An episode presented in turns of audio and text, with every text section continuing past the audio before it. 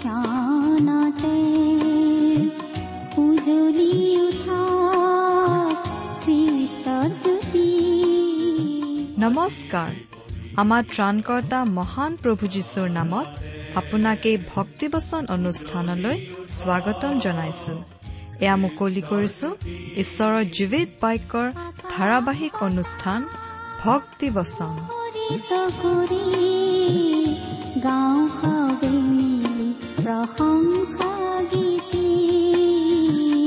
গাওঁ সবে মিলি প্ৰশংসা গীতি আজিৰে পবিত্ৰ ক্ষণতে উজলি উঠা আপোনাৰ জীৱনত যদি শান্তি পাব বিচাৰে তেন্তে এয়া ঈশ্বৰৰ বাক্যৰ সান্তনা বাক্য ভক্তি বচন।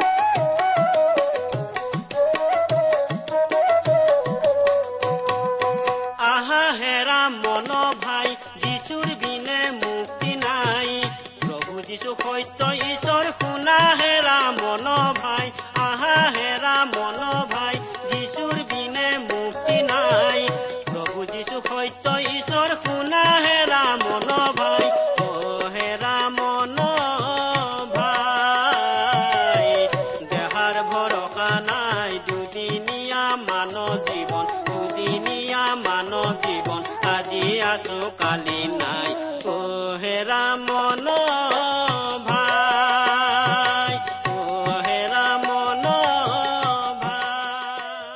আমাৰ মহান ত্ৰাণকৰ্তা প্ৰভু যীশুখ্ৰীষ্টৰ নামত নমস্কাৰ প্ৰিয় শ্ৰোতা। আশা কৰো আপুনি ভালে কুশলে আছে। আপুনি আমাৰ এই ভক্তিবচন অনুষ্ঠানটো নিয়মিতভাৱে শুনি আছেনে? শুনি বাৰু কেনে পাইছে? অনুগ্ৰহ কৰি আমালৈ চিঠি লিখি জনাবচোন। আমাৰ যোগাযোগৰ ঠিকনা ভক্তিবচন টি ডাব্লিউ আৰ ইণ্ডিয়া ডাক বাকচ নম্বৰ সাত শূন্য গুৱাহাটী সাত আঠ এক শূন্য শূন্য এক ঠিকনাটো আৰু এবাৰ কৈছো ভক্তিবচন টি ডাব্লিউ আৰ ইণ্ডিয়া ডাক বাকচ নম্বৰ সাত শূন্য গুৱাহাটী সাত আঠ এক শূন্য শূন্য এক আহকচোন বাইবেল অধ্যয়ন আৰম্ভ কৰাৰ আগতে ছুটিকৈ প্ৰাৰ্থনা কৰো। স্বৰ্গত থকা অসীম দয়ালু কৰুণাময় পিতৃ ঈশ্বৰ তোমাক ধন্যবাদ জনাইছো। কিয়নো তোমাৰ মহান বাক্য বাইবেল শাস্ত্ৰ অধ্যয়ন কৰিবলৈ তুমি আমাক আকৌ এটা সুযোগ দান কৰিছা। তোমাৰ বাক্যৰ নিগৃঢ় তত্ব তুমিয়েই আমাক বুজাই দিয়া। আমাৰ মৰমৰ শ্ৰোতাসকলৰ আগত তুমি নিজকে প্ৰকাশ কৰা। তোমাৰ স্পষ্ট মাত আমাক সকলোকে শুনিবলৈ দিয়া। এই অনুষ্ঠানৰ আৰম্ভণিৰ পৰা শেষলৈকে তুমিয়েই আমাৰ লগত থাকি আমাক পৰিচালিত কৰা। কিয়নো এই প্ৰাৰ্থনা আমাৰ মহান ত্ৰাণকৰ্তা মৃত্যুঞ্জয় প্ৰভু যীশুখ্ৰীষ্টৰ নামত আগবঢ়াইছো।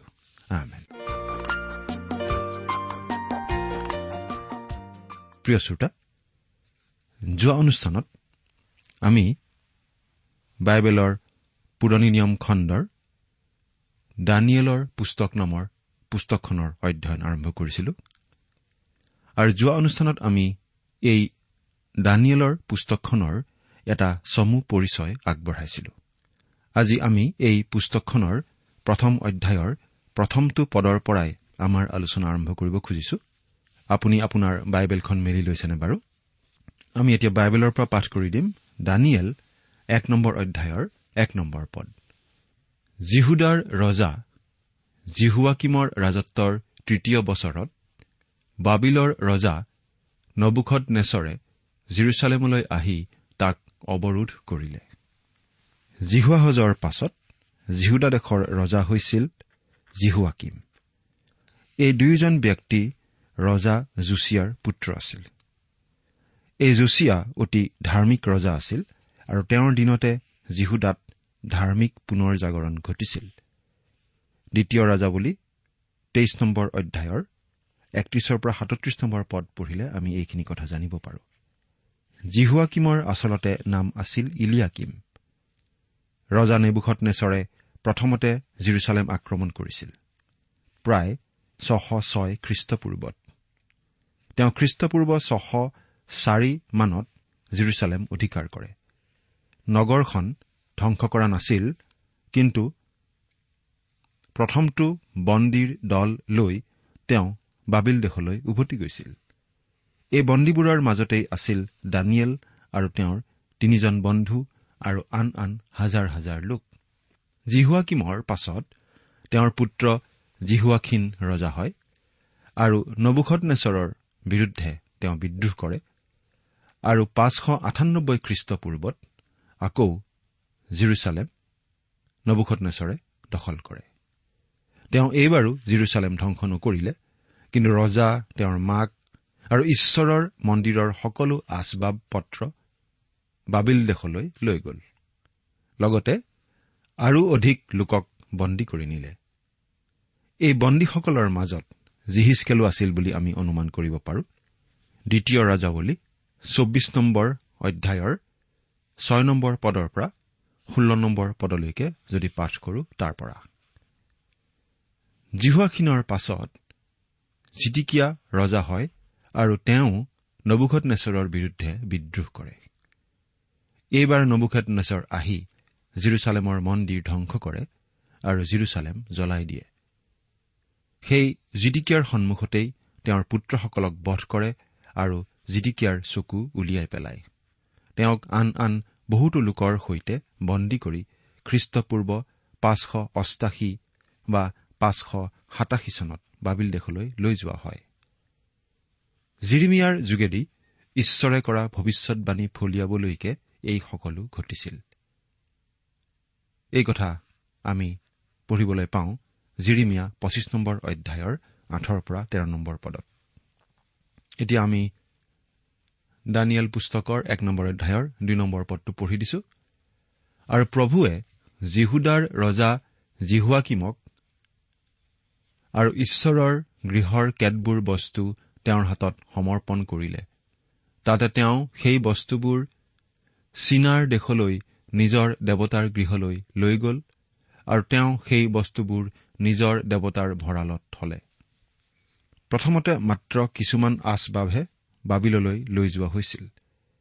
বাকী আচবাববোৰ জিহুৱাখিনে আত্মসমৰ্পণ কৰাৰ পাছত নবুখতনেচৰে চীনাৰ দেশলৈ লৈ গৈছিল আৰু নিজৰ দেৱতাৰ গৃহত ৰাখিছিল। এই কথা আমি দ্বিতীয় ৰাজা বুলি চৌব্বিছ নম্বৰ অধ্যায়ৰ তেৰ নম্বৰ পদত পাওঁ। আমি এই কথাখিনি মনত ৰখা উচিত কাৰণ পাছত বেলচছৰ ৰজাই তেওঁৰ ৰাজপ্ৰাসাদত ভোজৰ সময়ত এই পাত্ৰবোৰ উলিয়াই আনিছিল। এই বেলচছৰ ৰজা খুব সম্ভৱ নবুখতনেছৰ ৰজাৰ নাতিয়েক আছিল। তিনি আৰু চাৰি নম্বৰ পদ পাঠ কৰিম। পাছে ৰজাই তেওঁৰ নপুংসকবিলাকৰ অধ্যক্ষ অস্পনজক আজ্ঞা কৰিলে। বোলে ইছৰাইলৰ সন্তানবিলাকৰ মাজৰ বিশেষকৈ ৰাজবংশৰ আৰু প্ৰধানবিলাকৰ মাজৰ ঘূণ নথকা সুন্দৰ আটাই বিদ্যাত নিপুণ বুদ্ধিত চোকা জ্ঞানত পটু আৰু ৰাজগৃহত থিয় হবৰ যোগ্য গোটাদিয়েক ল'ৰা আনি কল দিয়া শাস্ত্ৰ আৰু ভাষা শিকোৱা হওক। নবুকটনেশ্বৰ ৰজাই কোনো বন্দী কৰি অনা জাতিৰ অতি পাৰ্গত বুদ্ধিমান আগশাৰীৰ লোকসকলক সদায় বাছি লৈছিল। নিশ্চয় কিছুমান পৰীক্ষা পাতি বুদ্ধিমান লোকবোৰ বাছি উলিওৱা হৈছিল আৰু তেওঁলোকক প্ৰশিক্ষণ দি জ্ঞানী আৰু পাৰ্গত কৰি তোলা হৈছিল যাতে ৰজাক ৰাজকাৰ্যত সহায় কৰিব পাৰে। আমি পাছত দেখিবলৈ পাম যে দানিয়েল এনেকুৱা বিশেষ মন্ত্ৰী আছিল আৰু ৰজাই তেওঁৰ পৰামৰ্শ লৈছিল। ৰজাই তেওঁৰ নপুংসকবিলাকৰ অধ্যক্ষ অস্পনজক আজ্ঞা কৰিলে। এই অধ্যায়ৰেই ন নম্বৰ পদত আমি পাওঁ যে ঈশ্বৰে দানিয়েলক এই নপুংসকৰ অধ্যক্ষজনৰ প্ৰিয়ভাজন কৰি তুলিছিল। আচলতে দানিয়েল আৰু তেওঁৰ তিনিওজন বন্ধুক নপুংসক কৰি পেলোৱা হৈছিল। যিচয়া ভাৱবাদীৰ ভাৱবাণী মতে। এই কথা আমি যিচয়া ঊনচল্লিছ নম্বৰ অধ্যায়ৰ সাত নম্বৰ পদত এনেদৰে পাওঁ। তোমাৰ ঔৰসত যি যি সন্তান জন্মিব সিহঁতৰ মাজৰ কেতবিলাকক নিয়া যাব আৰু সিহঁত বাবিলৰ ৰাজগৃহত নপুংসক দাস হ'ব। বেছিভাগ পণ্ডিতৰ মতে যেতিয়া দানিয়েলক বন্দী কৰি নিয়া হৈছিল তেতিয়া তেওঁৰ বয়স প্ৰায় সোতৰ বছৰ আছিল। এনেকুৱা ডেকা বয়সতে তেওঁক আন বন্ধুকেইজনৰ সৈতে নপুংসক কৰা হৈছিল যাতে কেৱল অধ্যয়নতেই তেওঁলোকে মন দিব পাৰে। ৰজাৰ আদেশ আছিল যাতে বিশেষকৈ ৰাজবংশৰ আৰু প্ৰধানবিলাকৰ মাজৰ ঘূণ নথকা সুন্দৰ আটাই বিদ্যাত নিপুণ বুদ্ধিত চোকা জ্ঞানত পটু আৰু ৰাজগৃহত থিয় হবৰ যোগ্য ডেকা কিছুমানক বাছি লোৱা হয়। আৰু তেনেকুৱা বিশেষ বিশেষ যুৱকসকলক কল দিয়া অৰ্থাৎ সেই দেশৰ ভাষা আৰু শাস্ত্ৰ শিকোৱা হওক। পাঁচ নম্বৰ পদ। ৰজাই আৰু নিৰূপণ কৰিলে যে তেওঁৰ উত্তম খাদ্যদ্ৰব্যৰ পৰা আৰু তেওঁ পাণ কৰা দ্ৰাক্ষাৰসৰ পৰা দিনে দিনে তেওঁবিলাকক ভাগ দিব আৰু তেওঁবিলাকক তিনি বছৰলৈকে প্ৰতিপালন কৰি তিনি বছৰৰ শেষত ৰজাৰ আগত থিয় কৰাব। ৰজাই তেওঁলোকৰ খাদ্যও যোগাব। কিন্তু দানিয়েল আৰু তেওঁৰ বন্ধুকেইজন আছিল ইছৰাইলীয়া। তেওঁলোক মুচিৰ বিধানৰ অধীন আছিল। মুচিৰ বিধান অনুসাৰে তেওঁলোকে কেৱল সূচী জন্তু আৰু সূচী মাংস তথা খাদ্যহে খাব পাৰিছিল। ছয় আৰু সাত নম্বৰ পদ। তেওঁবিলাকৰ মাজত জিহুদা বংশৰ দানিয়েল হননীয়া মিছাইল আৰু অজৰীয়া আছিল।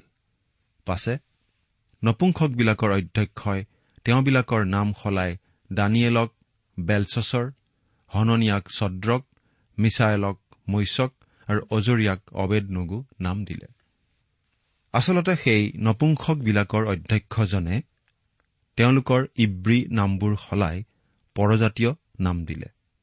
তেওঁ দানিয়েলক নাম দিছিল বেলচছৰ এই নামটোৰ অৰ্থ হৈছে বাল দেৱতাৰ উপাসক। এই বাল দেৱতা আছিল এজন পৰজাতীয় দেৱতা। তেওঁ হননীয়াক নাম দিলে ছদ্ৰক।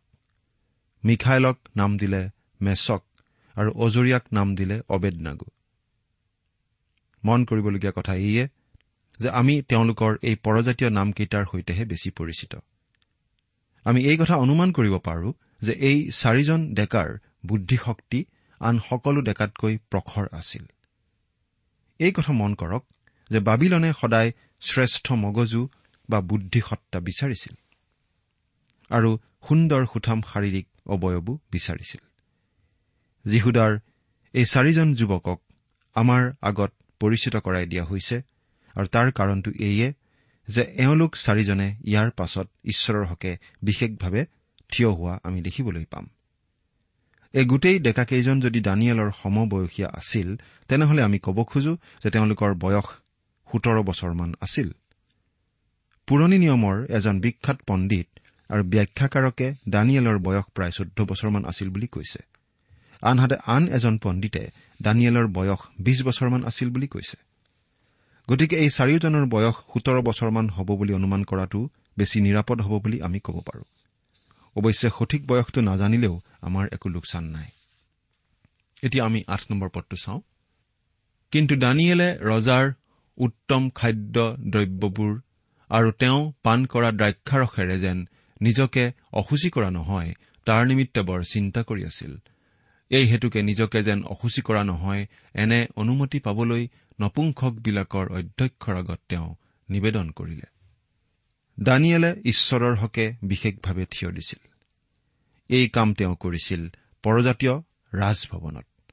সাধাৰণভাৱে চাবলৈ গ'লে এই কামৰ পৰিণাম অতি ভয়াৱহ হলহেঁতেন হয়তো মৃত্যুদণ্ড। দানিয়েলে নিশ্চয় জনপ্ৰিয়তা অৰ্জন কৰাৰ কথা ভবা নাছিল। তেওঁ নবুখত নেচৰক সন্তুষ্ট কৰিবলৈ চেষ্টা কৰা নাছিল। আজিকালি মানুহে সকলো কথাতে আপোচৰ ভাৱ লৈ মিলি পৰিব খোজে যাতে কাৰো অপ্ৰিয় হ'ব লগা নহয় কাৰো পৰা একো সমালোচনা পাব লগা নহয় লাগিলে ঈশ্বৰৰ কথা তল পৰক। কিন্তু দানিয়েলে তেনে কৰা নাছিল। দানিয়েল এই জগতৰ অনুৰূপ হোৱা নাছিল। কিন্তু নতুন মন কৰাৰ দ্বাৰা আন ৰূপ ধৰিছিল। ঈশ্বৰৰ ইচ্ছা পালন কৰাই আছিল তেওঁৰ জীৱনৰ মূল উদ্দেশ্য। সকলো যুগতেই কোনো নহয় কোনো প্ৰকৃত যিহুদী লোক আছিল। দানিয়েল আৰু তেওঁৰ তিনি বন্ধু সেই সময়ত অৱশিষ্ট থকা প্ৰকৃত যিহুদী লোক আছিল। এনে লোকৰ বিষয়েই পাচনি পৌলে ৰুমিয়া এঘাৰ নম্বৰ অধ্যায়ৰ পাঁচ নম্বৰ পদত এনেদৰে কৈছে এইদৰে বৰ্তমান কালতো অনুগ্ৰহেৰে মনোনীত কৰা অৱশিষ্ট লোক আছে। এই ডেকাকেইজনে ৰজাৰ আহাৰ খাব খোজা নাছিল। তেওঁলোকে বাবিল দেশৰ আহাৰৰ বিৰোধিতা কৰিছিল। আচলতে তেওঁলোকৰ বাহিৰে ভিতৰে বাবিলনীয়া কৰিবৰ চেষ্টা কৰা হৈছিল। তেওঁলোকে বাবিলনীয়া লোকৰ দৰে খাব লাগিব পিন্ধিব লাগিব চিন্তা কৰিব লাগিব। সেইটো ৰজাই বিচাৰিছিল। কিন্তু দানিয়েল আৰু তেওঁৰ বন্ধুকেইজন মুচিৰ বিধানৰহে অধীন আছিল। তেওঁলোকে কি খোৱা উচিত কি খোৱা অনুচিত সেই সকলো কথা ঈশ্বৰে পৰিষ্কাৰভাৱে জনাই দিছিল। লেবিয়া পুস্তক এঘাৰ নম্বৰ অধ্যায়ৰ চৌৰাল্লিছ নম্বৰ পদৰ পৰা সাতচল্লিছ নম্বৰ পদলৈকে পাঠ কৰিলে আমি ইয়াত এনেদৰে পঢ়িবলৈ পাওঁ। পাঠ কৰি দিছো। কাৰণ মই তোমালোকৰ ঈশ্বৰ জিহুৱা। এই হেতুকে তোমালোকে নিজকে পবিত্ৰ কৰি পবিত্ৰ হোৱা কিয়নো মই পবিত্ৰ। তোমালোকে মাটিৰ ওপৰত বগাই ফুৰা ভূচৰ জন্তুবোৰৰ দ্বাৰাই নিজকে অসুচী নকৰিবা। কিয়নো তোমালোকৰ ঈশ্বৰ হবলৈ তোমালোকক মিছৰ দেশৰ পৰা উলিয়াই অনা জিহুৱা মই। এই হেতুকে তোমালোক পবিত্ৰ হোৱা কাৰণ মই পবিত্ৰ। সূচী অসুচী বস্তুৰ আৰু খাব পৰা খাব নোৱাৰা জন্তুৰ প্ৰভেদ জনাবৰ নিমিত্তে পশু পক্ষী জলচৰ আৰু বগাই ফুৰা উৰগ আদি প্ৰাণীবোৰৰ বিষয়ে এই নিয়ম। কিছুমান মাংস খাবলৈ বিশেষভাৱে বাধা নিষেধ কৰা হৈছিল। তদুপৰি পৰজাতীয় দেৱতাৰ আগত বলি দিয়া জন্তুৰ মাংস খোৱাটো বাধা দিয়া হৈছিল। খুব সম্ভৱ দানিয়েল আৰু তেওঁৰ বন্ধুকেইজন নাচৰীয়া আছিল যাৰ কাৰণে আনকি দ্ৰাক্ষাৰস খোৱাটো বাধা আছিল। গণনা পুস্তক ছয় নম্বৰ অধ্যায়ৰ তিনি নম্বৰ পদত আমি এনেদৰে পঢ়িবলৈ পাওঁ নাচৰীয়াৰ বিষয়ে। তেতিয়া সি দ্ৰাক্ষাৰস আৰু সুৰাপানৰ পৰা বেলেগ হৈ থাকিব। দ্ৰাক্ষাৰসৰ চিৰকা বা সুৰাৰ চিৰকা পাণ নকৰিব আৰু দ্ৰাক্ষা ফলৰ পৰা চেপি উলিওৱা নতুন ৰসকো পাণ নকৰিব আৰু কেঁচা কি শুকান দ্ৰাক্ষাফল নাখাব। গণনা পুস্তক ছয় নম্বৰ অধ্যায়ৰ তিনি নম্বৰ পদ। কিন্তু আজি খ্ৰীষ্টীয় বিশ্বাসীসকলৰ বাবে খোৱা বোৱাত এনেকুৱা কটকটীয়া নীতি নিয়ম একো নাই। এই কথাটো আমি ক'ব পাৰোঁ। প্ৰথম কৰিন্ঠিয়া দহ নম্বৰ অধ্যায়ৰ পঁচিছৰ পৰা সাতাইছ নম্বৰ পদলৈকে যি পাওঁ তাৰেই আধাৰত। পাঠ কৰি দিছো। প্ৰথম কৰিন্ঠিয়া দহ নম্বৰ অধ্যায়ৰ পঁচিছৰ পৰা সাতাইছ নম্বৰ পদ। যিকোনো বস্তু বজাৰত বেচে দোষাদোষ জ্ঞানৰ কাৰণে একো নুসুধি নুপুচি তাক ভোজন কৰিবা। কিয়নো পৃথিৱী আৰু তাৰ পৰিপূৰ্ণতা প্ৰভুৰেই। খ্ৰীষ্টত বিশ্বাস নকৰাবিলাকৰ কোনোৱে তোমালোকক নিমন্ত্ৰণ কৰিলে তোমালোক যদি যাবলৈ সন্মত হোৱা তেন্তে দোষাদোষ জ্ঞানৰ কাৰণে একো নুসুধি নুপুচি যিকোনো বস্তু তোমালোকৰ আগত থোৱা হয় তাকে ভোজন কৰিবা। আকৌ প্ৰথম কৰিন্ঠিয়া আঠ নম্বৰ অধ্যায়ৰ আঠ নম্বৰ পদত এনেদৰে লিখা আছে খোৱা বস্তুৱে ঈশ্বৰৰ আগত আমাক গ্ৰাহ্য নকৰাব। আমি নাখালেও আমাৰ হানি নহয় বা খালেও আমাৰ বৃদ্ধি নহয়। কিন্তু পুৰণি নিয়মৰ দিনত খোৱা বোৱাৰ কটকটীয়া নিয়ম আছিল। দানিয়েল আৰু তেওঁৰ বন্ধুকেইজনো মুচিৰ বিধানৰ অধীন আছিল আৰু তেওঁলোকে সেইমতে সিদ্ধান্ত লৈছিল কাৰণ তেওঁলোক ঈশ্বৰ বিশ্বাসী আছিল। এতিয়া আমি ন নম্বৰ পদটো পঢ়ি দিওঁ। তেতিয়া ঈশ্বৰে দানিয়েলক নপুংসকবিলাকৰ সেই অধ্যক্ষৰ আগত দয়া আৰু অনুগ্ৰহ প্ৰাপ্ত কৰিলে। মন কৰিছেনে প্ৰিয় শ্ৰোতা? দানিয়েল ইতিমধ্যেই প্ৰিয়পাত্ৰ হৈ পৰিছে। আৰু এই কথাটো আকস্মিকভাৱে ঘটা নাই। ঈশ্বৰেই দানিয়েলক তেওঁৰ প্ৰিয় পাত্ৰ কৰাইছে। ঈশ্বৰেই দানিয়েলৰ হৈ কাম কৰি আছে। মিছৰ দেশত ঈশ্বৰে যেনেকৈ জোচেফৰ হকে কাম কৰিছিল তেনেকৈ ইয়াত দানিয়েলৰ হকে কাম কৰিছে। দহ নম্বৰ পদ। তাতে নপুংসকবিলাকৰ সেই অধ্যক্ষই দানিয়েলক কলে মোৰ প্ৰভু যি মহাৰজাই তোমালোকৰ খাদ্যদ্ৰব্য আৰু পাণ কৰা বস্তু নিৰূপণ কৰিলে তেওঁলৈ মই ভয় কৰো। কিয়নো তেওঁ তোমালোকৰ সমবয়সীয়া যুৱবিলাকতকৈ তোমালোকৰ মুখ কিয় শুকান দেখিব? এইদৰে তোমালোকে ৰজাৰ আগত মোৰ মূৰ সংকটত পেলাবা। সেই নপুংসকসকলৰ অধ্যক্ষজনে তেওঁলোকৰ ওপৰত জোৰকৈ সেই খাদ্য জাপি দিব খোজা নাছিল কিন্তু তেওঁৰ উপায়ো নাছিল। তেওঁ বৰ গুৰুত্বপূৰ্ণ দায়িত্বত আছিল। তেওঁ যেন এটা ডাঙৰ শিল আৰু এখন শুকান কঠিন ঠাইৰ মাজতহে আবদ্ধ হৈ ৰল। তেওঁ দানিয়েলক ভাল পাইছিল। তেওঁ কি কৰা উচিত? সেইটো কিন্তু ভাবি পোৱা নাছিল। তেওঁ ৰজালৈ ভয় কৰিছিল কাৰণ সেইকেইজন শুকাই খিনাই গলে ৰজাৰ চকুত পৰিব। তেতিয়া তেওঁ নিজে বিপদত পৰিব লাগিব। এঘাৰ আৰু বাৰ নম্বৰ পদ। পাছে নপুংসকবিলাকৰ অধ্যক্ষই দানিয়েল হননীয়া মিছাইল আৰু অজৰিয়াৰ ওপৰত নিযুক্ত কৰা ঘৰগিৰিক দানিয়েলে কলে আপুনি অনুগ্ৰহ কৰি দহ দিন আপোনাৰ এই দাসবিলাকক পৰীক্ষা কৰি চাওক।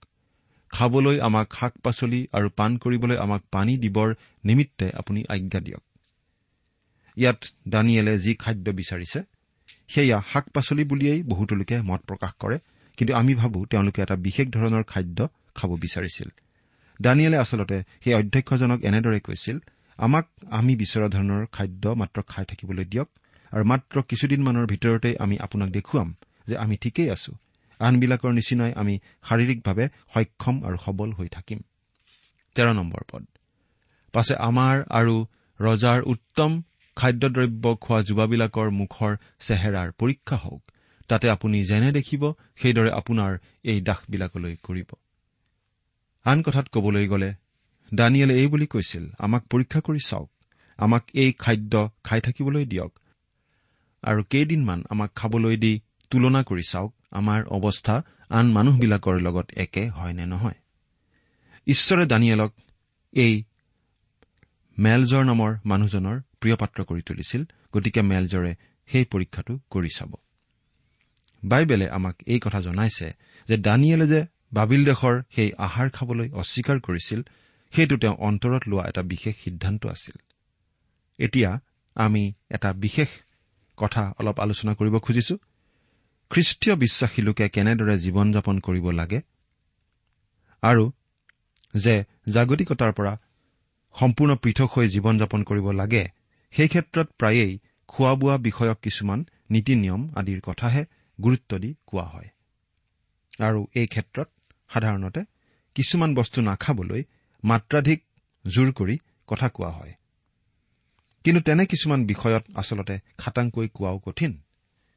এবাৰ এগৰাকী মহিলাৰ পৰা আমি এখন চিঠি পাইছিলো। তেখেতে লিখিছিল তেখেতে খ্ৰীষ্টক গ্ৰহণ কৰাৰ পাছত এটা সৰু খ্ৰীষ্টীয় দলত যোগ দিছিল আৰু তেওঁলোকে তেওঁক কৈছিল কিছুমান কাম তেওঁ কৰিব নালাগে আৰু কিছুমান কাম তেওঁ কৰিব পাৰে। তেওঁ চিঠিত লিখিছিল যে তেওঁ সেই সকলো নিয়ম পালন কৰি আহিছে কিন্তু তথাপি অন্তৰত শান্তি পোৱা নাই। আমি মণ্ডলীৰ ইতিহাসত এনে বহুতো উদাহৰণ পাওঁ যে এনেকুৱা বাধা নিষেধ আৰোপ কৰা আৰু কৰণীয় কামৰ তালিকা প্ৰস্তুত কৰাৰ নিয়ম চলি আহিছে। এনেকুৱা নিয়মৰ ব্যৱস্থা প্ৰথমতে দেখাত ভালেই থাকে। উদাহৰণস্বৰূপে ইউৰোপত এসময়ত চলি থকা লাহবিলাহ আদিৰ প্ৰতি অনীহা দেখুৱাই মনেষ্টেৰী বা খ্ৰীষ্টিয়ান আশ্ৰম আদি গঢ় লৈ উঠিছিল কিন্তু লাহে লাহে সেইবোৰতো বেয়া দেখা গ'ল। খ্ৰীষ্টই ফৰিচীসকলক কোৱা কথা আমি মনত ৰখা উচিত। তেওঁ এনেদৰে কৈছিল তেতিয়া প্ৰভুৱে তেওঁক কলে তোমালোক ফৰিচীবিলাকেতো বাতি কাঁহীৰ বাহিৰ ফাল নিকা কৰাই কিন্তু তোমালোকৰ ভিতৰ ফাল অপহৰণ আৰু দুৰ্জনালীৰে পৰিপূৰ্ণ। লোকে লিখা শুভবাৰ্তা এঘাৰ নম্বৰ অধ্যায়ৰ ঊনচল্লিছ নম্বৰ পদ। অৰ্থাৎ তোমালোকে কাপটোৰ বাহিৰ ভাগটো পৰিষ্কাৰ কৰা কিন্তু ভিতৰখন লেতেৰা হৈ থাকে। এই কামটো কবৰত চূণ দিয়াৰ নিচিনা কাম হয়। আমি মনত ৰখা উচিত। কিন্তু যেতিয়া আমাৰ ত্ৰাণকৰ্তা ঈশ্বৰৰ মধুৰ স্বভাৱ আৰু মনুষ্য জাতিলৈ প্ৰেম প্ৰকাশিত হ'ল তেতিয়া আমি কৰা ধৰ্মকৰ্মৰ কাৰণে নহয়। কিন্তু তেওঁ নিজ দয়া অনুসাৰে নতুন জন্মৰ স্নান আৰু পবিত্ৰ আত্মাই নতুন কৰাৰ দ্বাৰাই আমাৰ পৰিত্ৰাণ কৰিলে। তিতৰ প্ৰতি লিখা পত্ৰ তিনি নম্বৰ অধ্যায়ৰ চাৰি আৰু পাঁচ নম্বৰ পদ।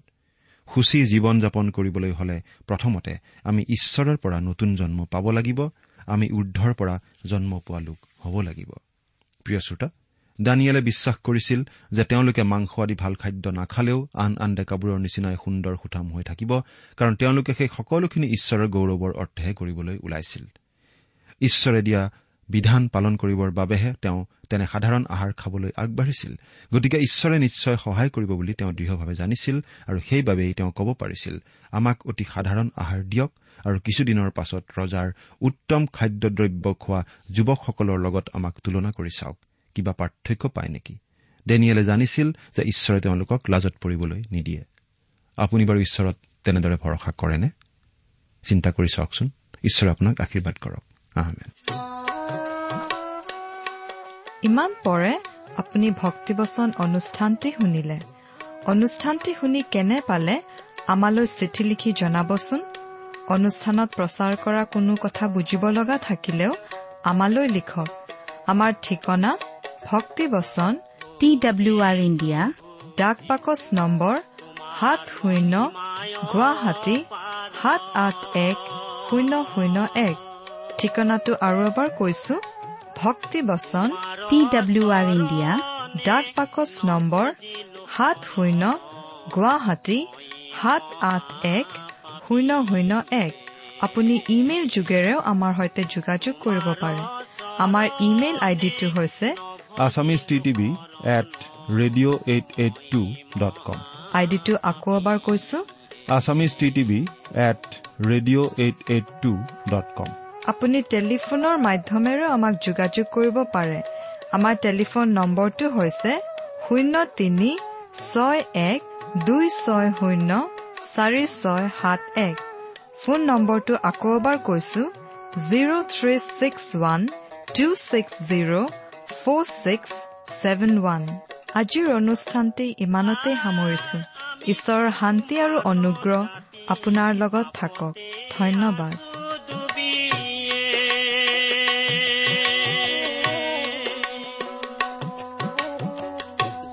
প্ৰভু জ্ঞান বুদ্ধি আমাক